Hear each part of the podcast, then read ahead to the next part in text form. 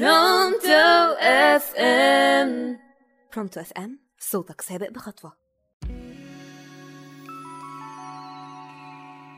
يا مساء السعادة والنجاح على كل مستمع راديو برونتو اف ام في كل مكان. أنا إسلام خير وأنتم دلوقتي بتسمعوا برنامج الصدمة. الصدمة برنامج بيتكلم عن سوق العمل وال business والمشروعات الصغيرة.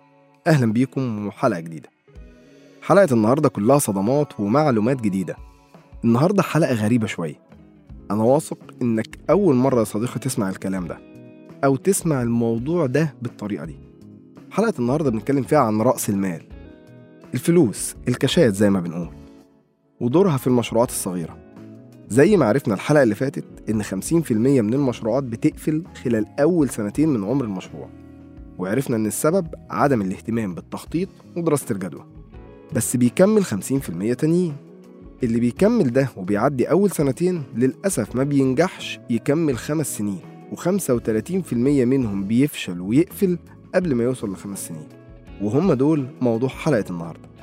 ال 35% من المشروعات اللي بتفشل ديت بيفشلوا بسبب عدم فهمهم لدور رأس المال وطبيعته وحقيقته. للأسف أغلب الناس متخيلين إن نجاح المشروعات متوقف على رأس المال. وكل ما كان المبلغ أكبر كل ما كان النجاح حتمي أو أكبر. وطبعا لو أنت بتسمعني دلوقتي وعايز تقول لي آه طبعا حجم رأس المال هو سبب نجاح المشروعات يبقى أهلا بيك. أنت من ال 35% اللي لو فتح مشروع هيفشل قبل ما يكمل خمس سنين لعدم فهمك لدور رأس المال. ركز معايا عشان صدمات النهاردة مش هتتعلمها ولا في مدرسة ولا حتى في الجامعة. دي نابعة من دراسات للسوق لفترات طويلة.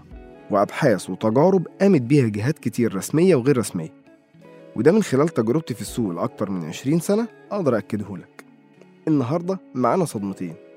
الصدمة الأولى عن الكاشات أو الفلوس بتقول إن رأس المال ملوش أي علاقة بنجاح المشروع بشكل مباشر. طبعا أنت معترض أو مصدوم على الأقل. طيب لازم تعرف الأول إيه هو دور رأس المال؟ دور رأس المال الرئيسي يا صديقي هو بدء المشروعات وخروجها للسوق بس ده لا يعني النجاح على الإطلاق. عشان نفهم أكتر خد معايا المثل ده. تخيل كده إنك معاك 350 ألف أو 500 ألف جنيه يا سيدي وقررت تفتح مشروع. هل نقدر نقول لك مبروك انت نجحت ومشروعك هيكسب؟ طبعا لأ. طيب يا سيدي أنت قررت تشغل الفلوس دي في إنك تجيب عربية أوبر. فوجود 500 ألف جنيه معاك هل هو ضامن إنك هتنجح وتحقق أرباح كبيرة من أوبر وتحقق معدل نمو كل سنة؟ لا طبعا. تخيل إنك مش بتعرف تدير آه، قصدي مش بتعرف تسوق. هتكسب من العربية أصلا؟ لا لازم تجيب مدير ناجح أو مدير أو سواق يا سيدي كويس. بس اعرف إن لو أنت ما بتعرفش تسوق وما جبتش سواق كويس عمرك ما هتكسب من المشروع ده. مع إنك صرفت خلاص ال 500 ألف جنيه لازم تكسب بقى. تخيل كده إنك يا سيدي بتعرف تسوق أو جبت سواق كويس بس أنت ما نزلتش أصلا application اوبر والعربيه بتاعتك ما فيهاش بنزين هل هتكسب؟ لا طبعا. برضه أنت صرفت هنا ال 500 ألف ليه ما بتكسبش؟ لأن زي ما اتفقنا إن في شوية حاجات لازم تتعمل عشان تستفيد من رأس المال اللي أنت صرفته. ببساطة هي دي الإدارة. بس رأس المال كان دوره الرئيسي هنا إنك تشتري العربية أو إنك تفتح المشروع. بس ملوش علاقة بنجاح المشروع فيما بعد. يعني لو معاك رأس مال يبقى عندك فرصة تبدأ مشروع. المكسب ليه شروط تانية وطرق تانية في استخدام رأس المال والاستفادة منه. لو حابب تعرف المشروعات بتنجح إزاي تابع السيزون الجاي. هنتكلم فيه عن التلاتة في المية من المشروعات اللي بتنجح وبتحقق أرباح وبتحقق نمو. هيكون اسمه ذا واي أو الطريق. الصدمة التانية أغرب كمان. وناس كتير ما تعرفش عنها حاجة بس بتمر بيها وممكن تقع في مشاكل كبيرة بسببها. رأس المال في الصدمة التانية بيقول إيه؟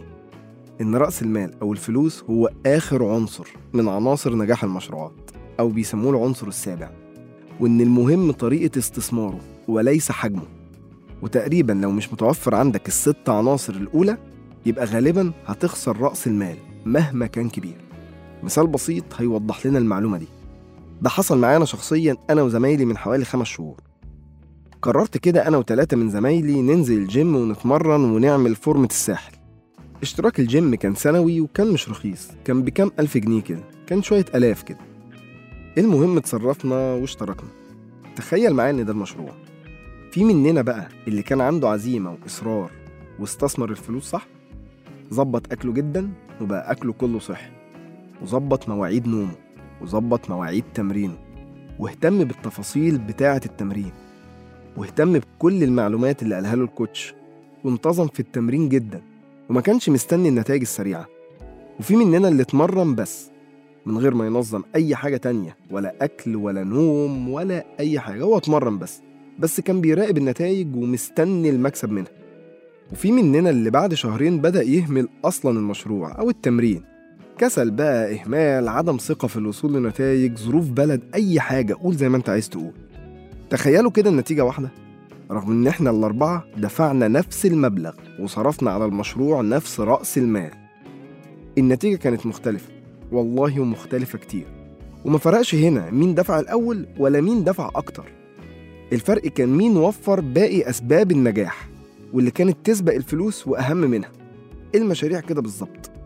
الأهمية مش مين دفع في المشروع أكتر المهم مين وفر بقية الأسباب. يعني مش عشان إحنا فتحنا ثلاث مطاعم فول وطعمية ودفعنا نفس رأس المال يبقى لازم كلنا هنكسب زي بعض. طريقة الإدارة وتوفير الأسباب هي اللي هتخلينا نستفيد من الفلوس. صدمة أو معلومة زي دي لو فهمتها صح ممكن تغير مسار مشروعك وعمره في السوق. مش كده وبس؟ ده ممكن تغير مصير حياتك كله إن شاء الله. تخيل بسبب الفهم الخاطئ لصدمتين النهاردة. 35% من المشروعات بتقفل وأصحابها بيخسروا رأس مال كبير لأنهم كانوا بيعتمدوا على كم الفلوس أو حجم رأس المال فقط فبدأ يخلص واحدة واحدة ومهما كانت فلوسك كتير. صدقني مش هتتحمل الخسائر والمصاريف. مهمتي في حلقة النهاردة انتهت. بس نصيحتي تابع ال season اللي جاي اللي هو اسمه way أو الطريق عشان بيكمل النص التاني من القصة. بعد ما بنعرف في ال season ده أسباب الفشل بنعرف في ال season الجاي إزاي نمشي في طريق النجاح. وإن شاء الله نحقق أهدافنا وأحلامنا. استنوني الحلقة الجاية ومعلومات جديدة وصدمات جديدة مع برنامجكم الصدمة. أنا إسلام خير. سلام.